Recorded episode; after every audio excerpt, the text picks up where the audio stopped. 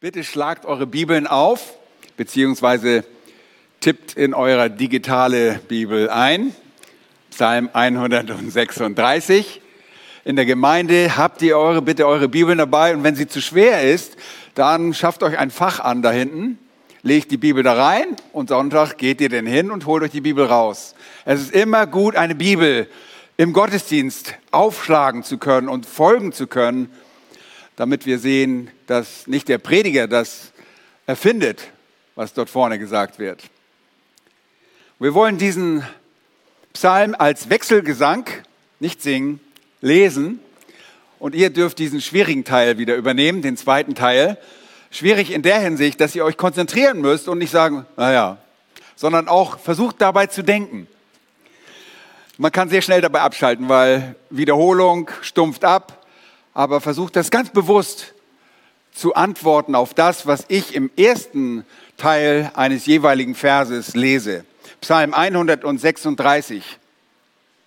Dankt Jahwe, denn er ist freundlich. Dank dem Gott der Götter. Dank dem Herrn der Herren. Ihm, der allein große Wunder tut, der die Himmel in Weisheit erschuf, der die Erde über den Wassern ausbreitete, der große Lichter machte, die Sonne zur Beherrschung des Tages, den Mond und die Sterne zur Beherrschung der Nacht.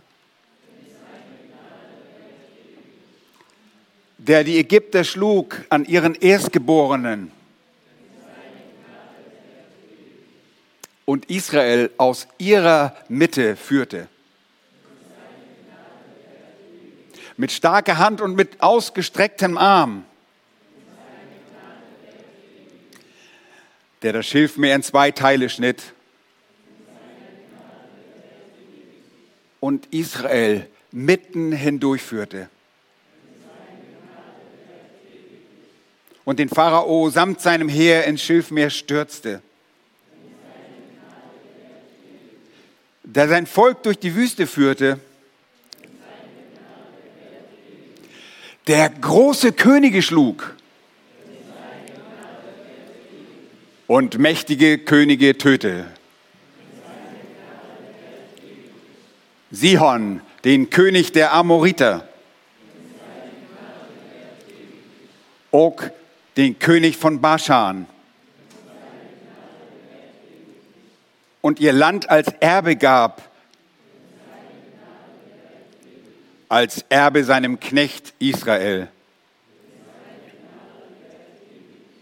Der an uns gedachte in unserer Niedrigkeit und uns unseren Feinden entriss. Der allem Fleisch Speise gibt. Dankt dem Gott des Himmels, denn seine Gnade wäret ewiglich. Amen. Wunderbar. Dankt Jahwe für seine loyale äh, Liebe, so habe ich diesen Psalm überschrieben und es ist nicht so schwierig, das zu entdecken. Ähm, die loyale äh, Liebe ist das Wort Chesed im Vers 1 jeweils in jedem Vers wiederholt. Gnade ist mehr als nur das Wort Gnade, wie wir es im neutestamentlichen Sinne kennen. Es umfasst seine andauernde Treue. Und äh, das fügt der Psalmist hinzu. Er sagt, sie wäret ewig. Loyal ist schon treu und spricht schon von einer andauernden Liebe. Und diese Liebe besitzt Gott, Yahweh. Nun, dieser Psalm wurde als ein Wechselgesang gesungen. Es ist das Liederbuch der Israeliten und er ist auch israelisch. Er ist auch jüdisch. Er ist auch auf diesem Hintergrund entstanden. Und diese Worte klingen einmal an bei der Einführung des, äh, der Stiftshütte nach Jerusalem in das Zelt, das David aufgestellt hat. Später auch in den Tempel bei Salomo und bei Esra sehen wir ihn als Wechselgesang. Vermutlich, vielleicht sogar genau dieser Psalm, der dort dann gesungen wurde. Nun, wir wollen Jahwe danken und dieser Aufforderung auch folgen. Und wir haben schon gesagt, dass Danken nicht nur ein verbales Ausdrücken von dem ist, was wir erkannt haben, sondern es bedeutet, dass wir uns unterwerfen in Ergebenheit diesem Gott, diesem einen Gott, diesem einen Gott, den es nur gibt. Es gibt keine Götter außer Yahweh Gott, den Gott Israels, den Gott Abrahams, Isaac und Jakobs. Er ist der Gott der Götter, so wie es in Vers 2 heißt. Er ist der Herr der Herren, wie es in Vers 3 heißt. Und er ist der Gott des Himmels, wie es in Vers 26 heißt. Im Unterschied zu den Götzen, die auf dieser Erde fabriziert wurden und die in den Himmel vielleicht erhoben wurden, in den Gedanken der Menschen, in den Gedanken derer, die diese Götzen selbst fabrizierten und produzierten. Gott allein ist mächtig und er ist gütig. Und wir haben gesehen, wir danken Jahwe Gott für sein sich erweisendes Wesen. Und die ersten Verse, Vers 1 bis 3 und Vers 26 sprechen von seinem Wesen, wer er ist. Hier wird zunächst einmal Yahweh angesprochen, der Name.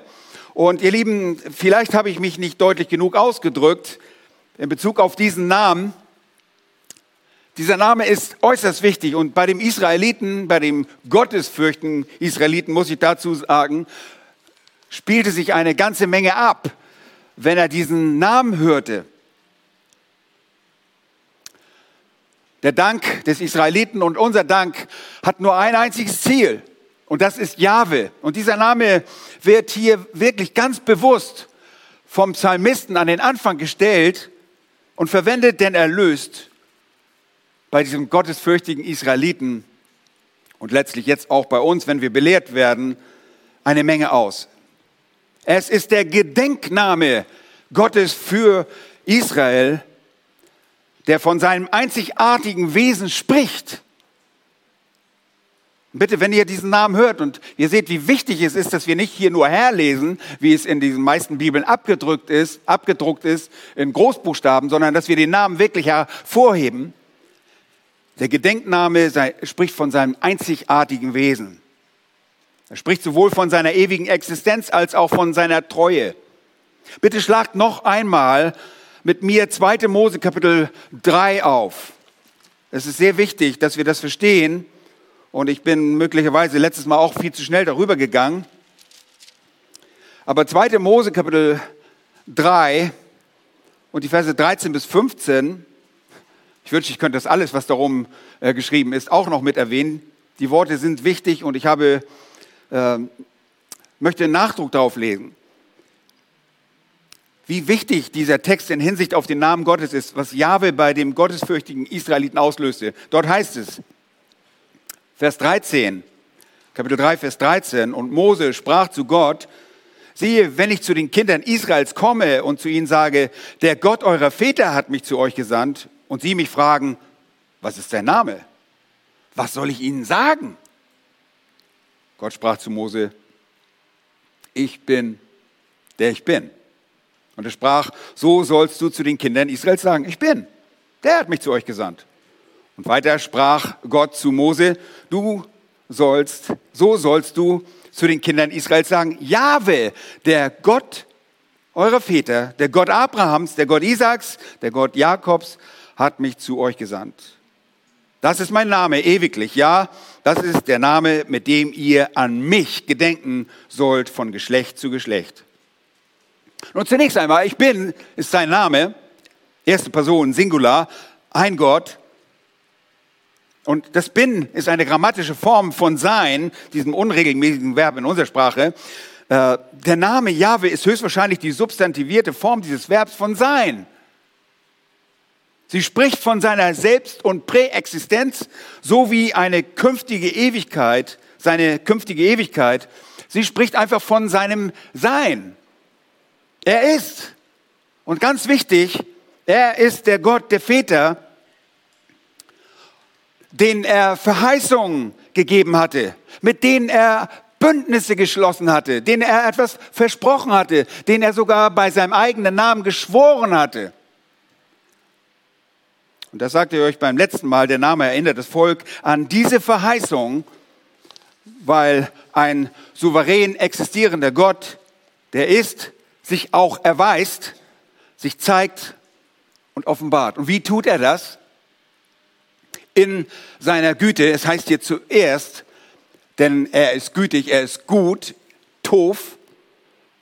Wir haben gesagt, er ist die Quelle, er ist die äh, Summe und er ist das Maß aller Dinge, die gut sind. Gott erweist sich als solcher. Wie tut er das? In seiner Güte und seiner loyalen Liebe. Das ist der zweite Teil der jeweiligen Verse. 26 Mal werden wir daran erinnert.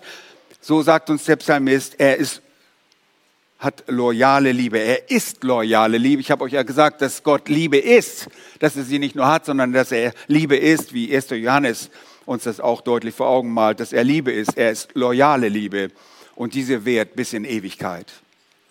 Und er hatte den Vätern, die hier aufgezählt werden, Abraham, Isaak und Jakob, geschworen, hatte einen Bund mit ihnen geschlossen.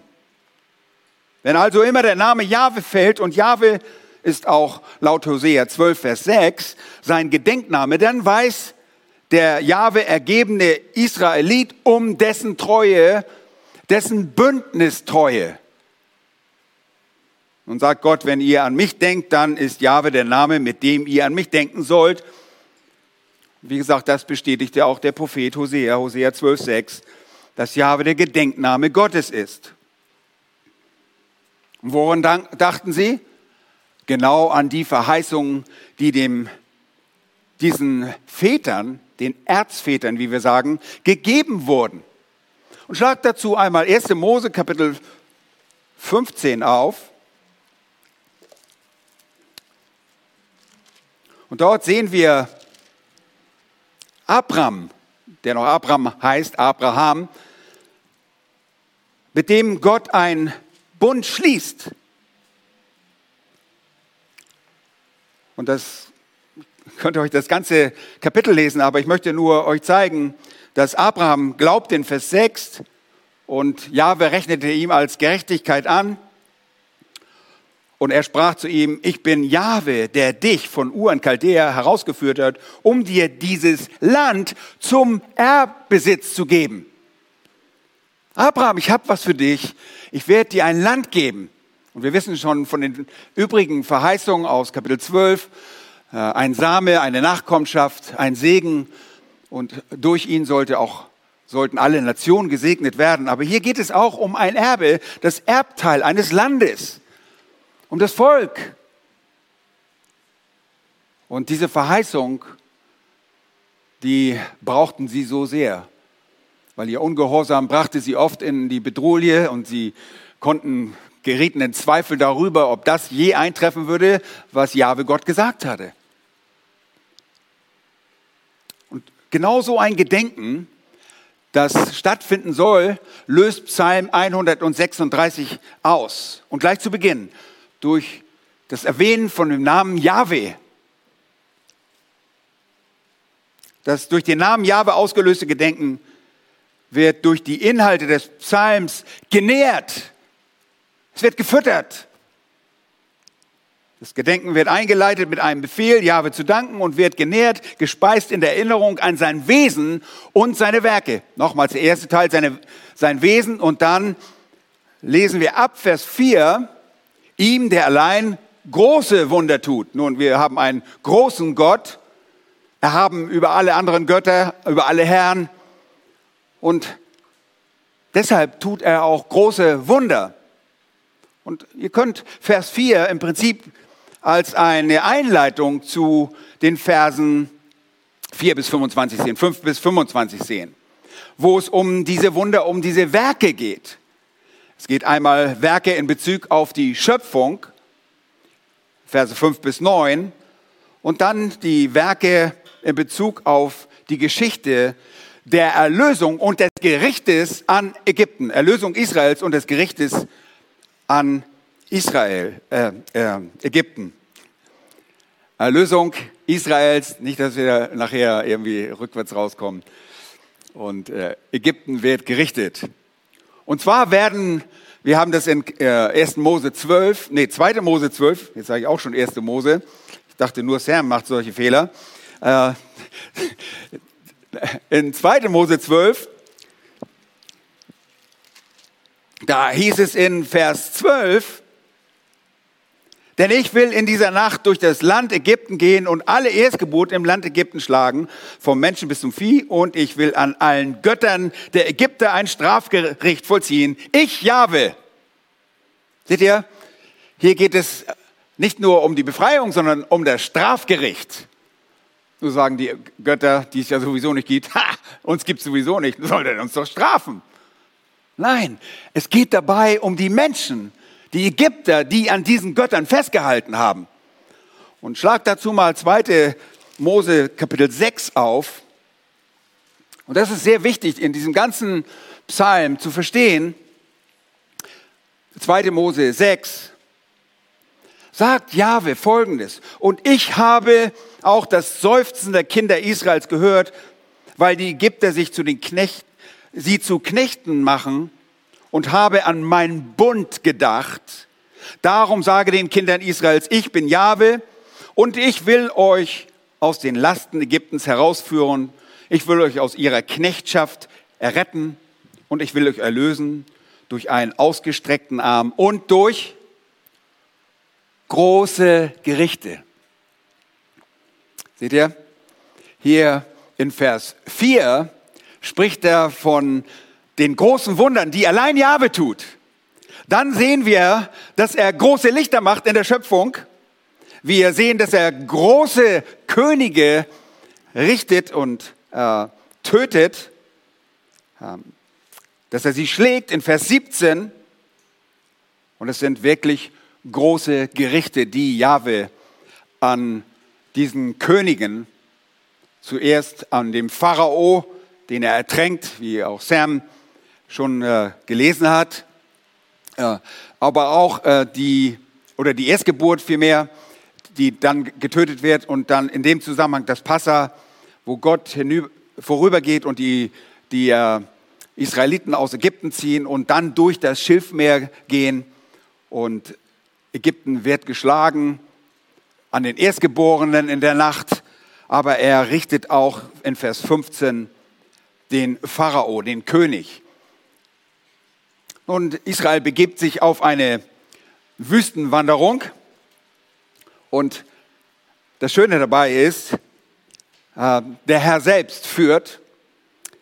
Ähm, das ist übrigens Punkt B. In 2b sind wir schon. Äh, sein mächtiges Handeln.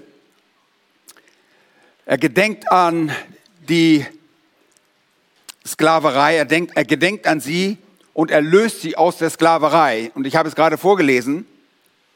Gott gedenkt. Ihr Lieben, das ist genauso wichtig wie unser Gedenken. Wir denken daran, dass Gott gedenkt. An seinen Bund.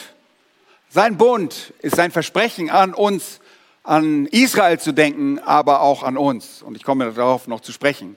Aber er gedenkt an dieses Volk. Er gedenkt an das Volk in der Knechtschaft. Und wir wissen, in 1. Mose Kapitel 15 wird dem Volk Israel schon angekündigt, dass sie in die Gefangenschaft gehen werden, dass sie Knechte sein würden, dass sie 400 Jahre lang gedemütigt werden würden. 1. Mose 15 dort in dem Kapitel, wo Jahwe mit Abraham einen Bund schließt.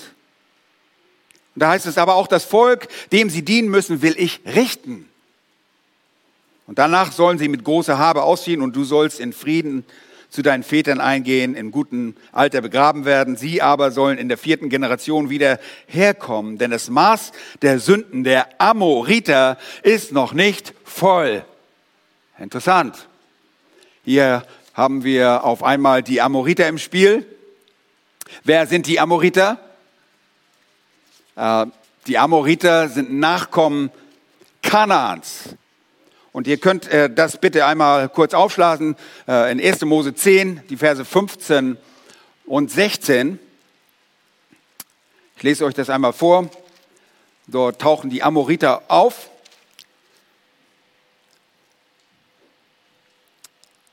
Und der Anfang seines Königreichs war Babel, das ist äh, Nimrod, so wie Erek, Akkad, nee, das ist Vers 16 muss es sein, Entschuldigung. 15 sagt, Kana aber zeugte Zidon, seinen Erstgeborenen und Het und auch die Jebusiter, den Amoriter und den Girgasiter und die Heviter und die Arkiter und die Siniter und den Arvaditer, den Zemariter und den Hamatiter. Und danach bereiteten sich die Sippen der Kanaaniter aus. Die Amoriter werden oft auch hervorgehoben, weil sie moralisch am verdorbensten waren. Und wir haben gelesen, dass das Maß bei den Amoritern, das Maß ihrer Sünder noch nicht voll war. Und so gibt es 400 Jahre Knechtschaft. Und nach dieser 400 Jahre Knechtschaft ist dieses Maß der Sünde der Amoriter voll. Und wir sehen, dass Gott an diesem Zeitpunkt nach 400 Jahren Israel gedenkt und er löst es aus der Knechtschaft. Und wir haben gelesen, wie das geschieht. Er schlägt, schlug seinen Erstgeborenen, Ägyptens Erstgeborenen, und führt Israel aus ihrer Mitte hinaus. Das war Jahwe selbst. Jahwe selbst schlug ähm, der Engel war der Engel des Herrn, der das Strafgericht an den Ägyptern, an den erstgeborenen Ägypter und all denen, die nicht glaubten, die nicht das Blut an ihre Tourfürsten äh, schmierten, äh, die wurden getötet. Und das tat er, wie ich letztes Mal euch schon sagte, mit starker Hand und ausgestreckten Armen. Das ist eine Bezeichnung, die immer wieder in dem Zusammenhang vorkommt und darauf hinweist, auf die Macht Jahwes hinweist. Er ist der Mächtige. Mit seiner eigenen Hand, mit seiner rechten Hand, mit starker Hand und mit ausgestreckten Armen. Wir denken bei diesem ausgestreckten Arm vielleicht an Mose, als er seinen Arm ausstreckte über das Schilfmeer, aber es ist Gott, der dieses Schilfmeer teilt in Vers 13 in zwei Teile schnitt, wie es hier heißt. Und Gott gebrauchte in seiner Vorsehung und seiner Souveränität über die Natur einen starken Wind. Wir wissen, wer die Kontrolle des Windes hat. Gott gebrauchte das, um das Schilfmeer zu teilen und Israel in die Mitte, in der Mitte hindurchzuführen. Vers 15 sehen wir dann das Strafgericht, das über den Pharao kommt und über sein Heer, über seine Streitwagen, die den Israeliten nachjagten in 1. Mose 14 und dann elendig in den Fluten dieses Schilfmeers ertranken. In liberalen Kreisen witzelt man über dieses große Wunder, das Jahwe Gott getan hat. Und man denkt, ja, wahrscheinlich war es eine flache Stelle, in der die Israeliten durch das Schilfmeer zogen. Aber dann ist auch ein großes Wunder, dass Pharao in dieser flachen Stelle mit seinem ganzen Heer ertrinkt. Also das passt nicht zusammen. Jahwe hat ein Strafgericht an den Götzen der Ägypter ausgeübt und betroffen waren diejenigen, die diese Götzen fabrizierten. Gott erwies sich darin als der gütige, der loyale, liebende gegenüber seinem Volk, dem er versprochen hatte, dass er sie in das verheißene Land führen würde. Und er führte sie, und das ist der Punkt C, er besiegt Feinde und führt zum Ziel. Er besiegt Feinde, er führt sie durch die Wüste. Und ihr Lieben, wer mal in der Wüste Paran gesessen hat, und dort zog Israel hindurch, und einige von euch waren schon dort und könnt euch ein Bild machen. Gott führte in seiner loyalen Liebe ein riesiges Volk durch diese Wüste. Und es grenzt und es ist ein Wunder, wie die Israeliten hindurchgeführt wurden und dass nicht mal ihre Sandalen verschlissen, dass er sie nährte, dass er sie hindurchführte und nährte. Und dabei kommt es in der Wüstenwanderung zu Widerstand. Es kommt zu großen Feindseligkeiten von großen Königen. Und mächtige Könige treten dem Volk Israel entgegen. Einige, das Brudervolk Israels, Edom, die Edomiter, lassen die Israeliten nicht durch ihr Land ziehen. Aber hier sind zwei Beispiele angeführt. Und wir haben leider nicht die Zeit, diese Geschichte ganz durchzulesen. Ähm, aber lest euch das durch im vierten Buch Mose. Israel kommt an das östliche Ufer des Toten Meeres. Es lagert sich dort an dem Arnon-Fluss, der befindet sich in etwa auf der Hälfte des Toten Meeres gegenüber von En-Gedi am Westufer. Und über, oberhalb ist das normalerweise auch das Gebiet der Moabiter. Aber die Moabiter hatten das Land abgegeben. Der König Sihon, der König der Amoriter, der in Hesbon sein Zuhause hatte, hatte Krieg geführt gegen die Moabiter und hatte ihnen das Land abgenommen. Vom Arnon bis zum Jabok. Und der Jabok ist auch ein weiterer Fluss in Transjordanien, das heißt auf dem gegenüberliegenden äh, Seite des Jordans gegenüber dem Festland, dem äh, Cisjordanien, das heißt dem hiesigen, dem diesseitigen jo äh, Israel da wo Palästina ist, wo, das, wo die Westbanks heute sind. Gegenüber ist das sogenannte Transjordanien. So hieß auch übrigens früher Jordanien. Das ist das Land Transjordanien. Und dort, das Gebiet wurde beherrscht von diesem mächtigen König. Es war nicht irgendwie nur so, wie ich schon sagte, nicht irgendwie so ein Typ, der irgendwo so eine Truppe zusammengerufen hatte und sagte, komm, wir verkloppen die mal. Keine Chance. Nein, es war ein riesiger, ein mächtiger König. Er hatte Moor besiegt. Und es ist ein Amoriter. Und das ist bezeichnend. Es ist ein Amoriter. Die Amoriter sind Kanaaniter. Und sie sollten das Land abgeben.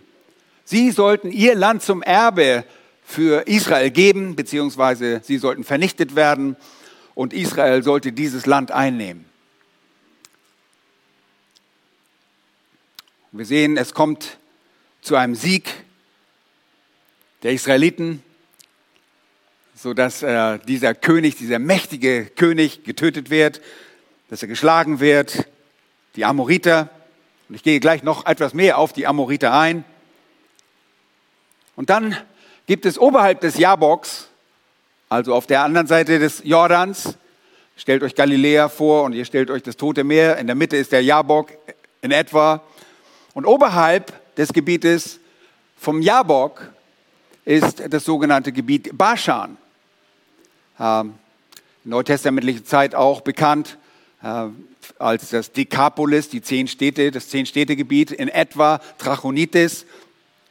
Äh, das ist das Gebiet, in dem der auch ein weiterer mächtiger König geherrscht hat. Und ihr könnt euch das durchlesen, auch in 5. Mose 3. Dort wird es genau beschrieben, ähm, wie mächtig Gott war und was es auch im Zusammenhang hat mit dem, mit dem Boden, der dort erobert wird, den Gott erobert für Israel. Denn zweieinhalb Stämme Israels bekommen dieses Land zum Erbe. Schaut mal, Vers 21. Und ihr Land als Erbe gab. Seht ihr? Er gab es ihnen zum Erbe, und zwar dem Stamm Gad, dem Stamm Ruben und dem halben Stamm Manasse, die ihr Erbteil auf, diesen, auf dieser Seite des Jordans in Anspruch nehmen wollten. Und die übrigen Stämme wurden zuerst einmal skeptisch und äh, dachten, ja, die bauten auch mal einen Altar äh, für einen Gott und sie haben gedacht, oh, jetzt werden sie abfällig von Jahwe. Aber nein, sie wollten Jahwe treu sein und Gott gab ihnen dort ihr Erbteil als erstes. Und die Bedingung für diese Stämme war, dass sie mit in den Kampf zogen in Cisjordanien, das heißt in dem heutigen Palästina, in diesem Gebiet sollten sie mit bei der Eroberung tätig sein und dann zurück in dieses Erbteil gehen. Ja, ihr Lieben, Gott gedachte, er führte sie aus und er führt sie siegreich in das Land. Und es ist interessant. Es heißt hier dann in Versen 23 und 24, der uns an uns gedachte in unserer Niedrigkeit und uns von unseren Feinden erlöste.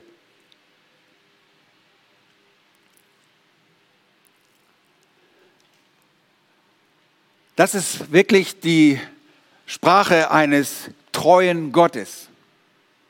Und das sehen wir, als Israel in Not war. Und wir sehen auch, wie sich die Niedrigkeit Israels zeigt. Und die Niedrigkeit des Volkes ist, dass sie ein geringes Volk waren, so wie ein verdorbenes Volk waren. Wenn ihr Hesekiel Kapitel 16 aufschlagt, dann seht ihr dort, wie niedrig das Volk ist. Und dort spricht auch Jahwe von Jerusalem, der Hauptstadt. Und er bezeichnet sie von Herkunft in Vers 3 dort, Ezekiel 16, Vers 3, nach Herkunft und Geburt stammst du aus dem Land der Kanaaniter. Dein Vater war ein Amoriter. Seht ihr, das ist die Niedrigkeit dieses Volkes. Es war genau wie die Kanaaniter, die sie jetzt im Begriff waren zu vertilgen, um das Land einzunehmen, das Jahwe den Vätern versprochen hatte. In einem Bund hatte er sich dafür verbürgt. Deine Mutter ist eine Hethiterin, ein weiterer Nachkommen der Kanaaniter. Und dann zählte auf, wie es sich mit ihrer Geburt verhielt, mit Jerusalem. Dieses Volk war ein geringes Volk. Kein Volk, das eine eigene große Gerechtigkeit besaß, sondern Gott führte es aus, um seiner selbst willen, um seinem Namen Ehre zu bereiten. Nun, er gedachte in unserer Niedrigkeit, wir sehen hier auf einmal, dass der Psalmist sich mit dem Volk Israel identifiziert. Das ist das erste Mal, dass er dieses äh, Pronomen, dieses Fürwort benutzt, der an uns gedachte, in unserer Niedrigkeit, er schließt sich dort mit ein und uns von unseren Feinden erlöste. Immer wieder befreit er sie aus Feindschaft um seines Namens willen. Denn er ist ein Gott der loyalen Liebe, die ewiglich anhält. Und er spricht von seinem Bund, seiner Bundestreue, und der Bund, den er mit den Vätern geschlossen hatte, war ein unilateraler Bund, ein Bund, den Gott allein durchführen würde. Und wir sehen es auch, dass bei der Bundesschließung Abraham in einen Schlaf versetzt wird. Und der Akt, der dort beschrieben wird, macht deutlich, dass Gott derjenige ist, dass Jahwe derjenige ist, der seinen Bund durchführen wird, der es erfüllen wird, der durch die Erfüllung der für die Erfüllung dieses Bundes garantiert wird. Und das aufgrund seiner loyalen Liebe, denn sie währt ewiglich. Und wir fragen uns, das ist ja schön für die Israeliten. Sie können sich wirklich freuen. Ich wurde erinnert beim Lesen, wurde an viele Sachen erinnert und ich habe viel zu viel aufgeschrieben. Ich habe mittlerweile 30 Seiten gehabt. Und, äh, aber ich wurde erinnert auf, an das, was äh, wir in Römer 15 gehört haben. Und in Römer 15 steht, warum Sachen geschrieben worden sind. Denn alles, was zuvor geschrieben worden ist, und das bezieht sich auf das Alte Testament, wurde uns zu unserer Belehrung zuvor geschrieben, damit wir durch das Ausharren und den Trost der Schriften Hoffnung fassen. Ihr Lieben, auch wir stehen in einem Bund mit unserem Gott. Und wenn wir das Mal des Herrn feiern, denken wir oft und lesen wir diese Worte, das Blut in meinem Bund, das ist der neue Bund. Wir sind Teilhaber dieses neuen Bundes geworden. Der Epheserbrief macht es sehr deutlich, dass wir einst fern waren von diesen Bündnissen, von diesen Verheißungen.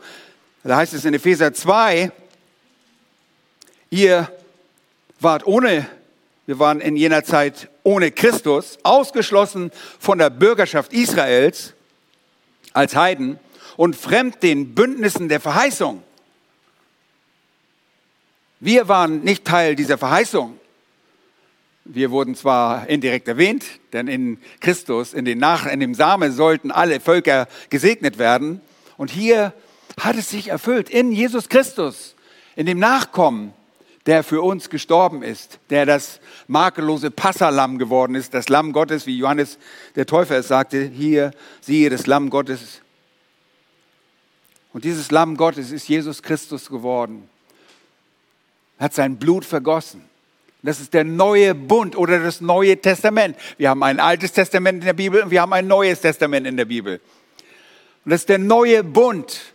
Und wir stehen in einem Bundesverhältnis zu Jahwe, dem lebendigen Gott. Und wisst ihr was? Wir können genauso Hoffnung fassen. Wir können darauf bauen, dass Gott große Wunder tut um uns dorthin zu bringen, wo er uns haben will. Er hat es getan in der Geschichte des Volkes Israels. Er hat es getan in der Schöpfung. Wir haben auch gesehen, dass die Schöpfung, die Ordnung, die Schöpfungsordnung, besonders die großen Lichter, Jahwe selbst gebraucht, um seine Treue zu erweisen, um seine Treue zu betonen. Und Jeremia greift es aus in Jeremia 31 und sagt, wenn diese Ordnung von Licht, von Tag und Nacht, wenn die zu Ende, ein Ende finden wird, dann wird auch der Same Israels ein Ende finden. Aber Gott bleibt treu. Diese Ordnung bleibt bestehen und sein Bund bleibt bestehen und sein Bund mit uns bleibt genauso bestehen. Wir können durch die Schriften Hoffnung fassen. Eine Hoffnung, die nicht zu Schanden wird. Und das ist die gute Nachricht. Und das ist der Grund, warum wir genauso Jahwe Gott danken. Weil ein Gott, der ist und der ewig ist und der auch gleichzeitig gut ist, bleibt auch ewig gut. Ein Gott, der ist und ewig ist, der bleibt auch ewig loyal in seiner Liebe. Und deshalb, egal wem er sich gegenüber sieht, ob Juden oder Heiden, oder Griechen, wie das Neue Testament es sagt, und aber stellvertretend für die Nation steht. Er ist seinen Kindern gegenüber, all denen, die glauben, treu gegenüber. Und mehr als das. Er erweist sogar allgemeine Gnade. Vers 25 heißt es noch, der allem Fleisch Speise gibt. Allen Fleisch. Ich habe mich äh, gefragt und ich bin immer noch auf der Suche danach, was dieser, warum dieser Vers genauso da drin ist. Aber er zeigt, dass er liebend ist gegenüber allen Kreaturen, seiner ganzen Schöpfung. Er weist sich ihnen gegenüber als treu. Er nährt alles Fleisch. Sowohl Tiere als auch Menschen nährt er. Ob gläubig oder ungläubig, er nährt alles Fleisch. Er gibt allem Fleisch Speise. Warum? Denn seine Gnade wäret ewiglich.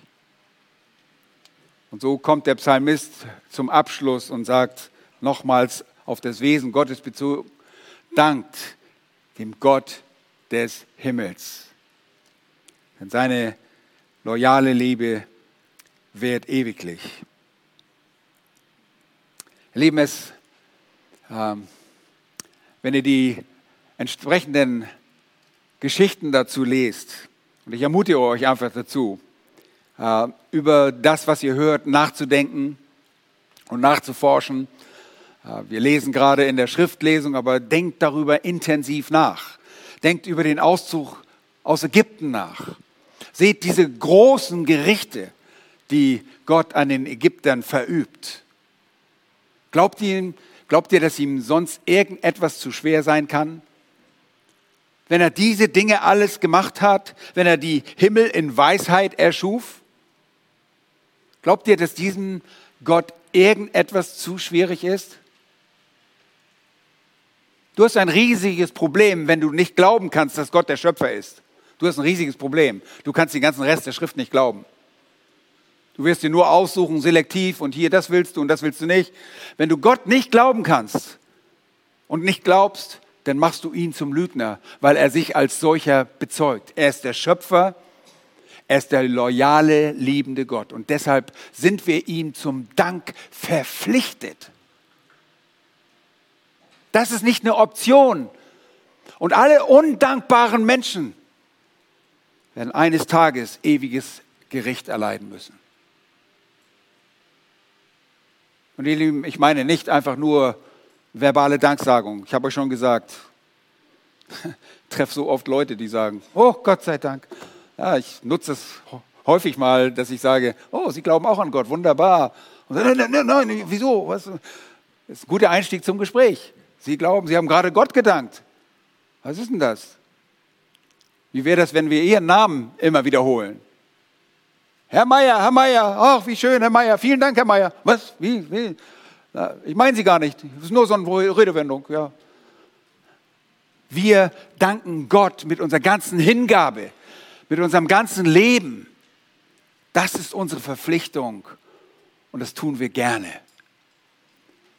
Und deshalb denkt über sein Wesen und seine Werke nach versteht sie.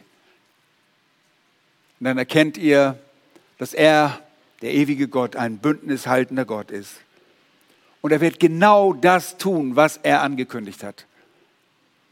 Und das ist so wunderbar. Die Bibel in ihren Aussagen hat immer Bezug zur absoluten Realität. Alles, was vorausgesagt wird, wird genau so eintreffen, wie es geschieht.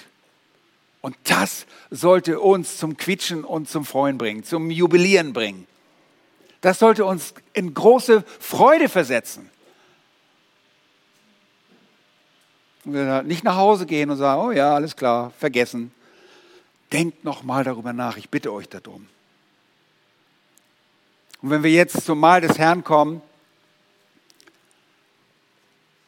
dann ist das genau unser Gedanke. Wir denken an diesen Bund, an das Neue Testament, an das Blut des Bundes, das unser Jesus Christus vergossen hat. Die Verheißung, was haben wir denn für Verheißung als Kinder Gottes? Wir sind Miterben Christi. Wir sind Erben des Reiches. Meine Güte, verzichte auf das Erbteil, wenn du ein großes Haus erbst. Du bist Erbe eines großen Reiches, des Reiches des lebendigen Gottes. Hammer. Ich sag dir, alle, alle Häuser da in den Luxusgegenden, das sind alles Hundehütten im Millennium. Wirklich. Ihr kriegt viel schönere Wohnungen. Und der Jesus arbeitet schon so lange daran. Wir haben wunderbare Verheißungen. Wir werden ihn sehen, wie er ist. Von Angesicht zu Angesicht. Das reicht schon. Den lebendigen Gott zu sehen. Wer den Sohn hat, der hat das Leben. Und wir werden als Erben, Miterben Christi, weil er, wir sind, er schämt sich uns nicht mal Brüder zu nennen. Wir erben das Reich Gottes, ein ewiges Reich. Und dieses tausendjährige Reich geht in ein ewiges Reich über.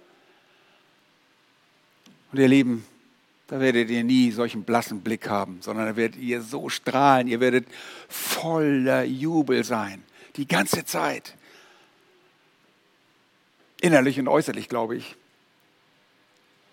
Wir sind Erben. Wir erben nicht nur irgendein Land. Und übrigens auch Abraham hat nicht nur irgendein Erbe hier auf Erden gesucht, sondern er hat das ewige, eine ewige Stadt gesucht. Schon Abraham wusste das. Es geht nicht hier um irgendein Stück Land.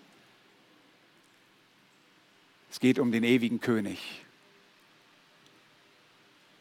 Und wenn du Jahwe Gott selbst noch nie gedankt hast, weil du keine Beziehung zu ihm hast, du kannst ihm nicht danken. Du kannst irgendwie äußerlich äh, Dankeschön sagen, aber du kannst nicht Dank sagen für das, was du nicht erlebt hast. Dann beuge deine Knie. Du musst eines Tages Rechenschaft abgeben für deine Schuld vor einem lebendigen Gott. Und dann wird dieser loyale, liebende Gott auch seine andere Seite zeigen, seine Gerechtigkeit und seinen Zorn. Die gehört zu diesem lebendigen Gott. Deshalb kehre um, tu Buße. Es ist die Zeit des Heils. Heute ist die Zeit des Heils. Heute ist der Tag, an dem Gott retten will. Er ist der Retter Gott. Es ist so schön, die Zeugnisse von den Täuflingen zu hören. Und ich weiß, wir werden, so Gott will, noch mehr Zeugnisse hören über die verändernde Kraft des lebendigen Gottes. Aber schieb diese Entscheidung, Christus nachzufolgen, niemals auf. Wenn du das Pochen hörst und du überführt bist in deinem Inneren, dann verhärte dein Herz nicht. Komm zu ihm, beuge dich vor ihm, tu, was er sagt. Wir wollen uns als Kinder Gottes bei dem Mahl, das wir jetzt zusammen feiern, daran erinnern, dass Jesus Christus, Jahwe, die zweite Person der Gottheit für sich, für uns auf die Erde kam. Jesus Christus kam auf die Erde. Wir sind keine Polytheisten, wir haben einen einen Gott, aber dieser Gott ist Gott, Vater, Sohn und Heiliger Geist. Und das glauben wir, weil die Bibel das sagt. Und dieser Gott kam auf die Erde, um uns zu erlösen, von unserer Feindschaft frei zu machen. So wie er die Israeliten aus Ägypten befreit hat, so will er uns aus unserer Sklaverei der Sünde befreien. Und er will uns führen Genau wie er das Volk Israel geführt hat und er bringt uns ans Ziel, wie er das Volk Israel ans Ziel gebracht hat und ans Ziel bringen wird. Und sie haben das Land eingenommen, aber das war nur ein Teil der Verheißung. Und voll, der volle Umfang dieser Verheißung werden sie in diesem Reich auf Erden, diesem Königreich auf Erden in Empfang nehmen. Ja, wir wollen uns daran erinnern, dass Jesus Christus, der Gerechte, für uns die Ungerechten starb. Und wir wollen sicherstellen, dass jeder das versteht, warum das so war. Weil keiner von uns gegenüber einem heiligen Gott gerecht sein kann. Keiner. Absolut keiner. Gut, sagen wir, das verdrehte menschliche Herz sagt, ah, okay, das ist ja alles schlecht. Ist ja nicht so schlimm, wenn wir alle schlecht sind. Dann gehen wir halt alle in die Hölle. Wie oft habe ich das gehört? Machen wir alle in der Hölle Party. Ihr habt keine Ahnung, was in der Hölle los ist. Keine Sekunde will ich da sein.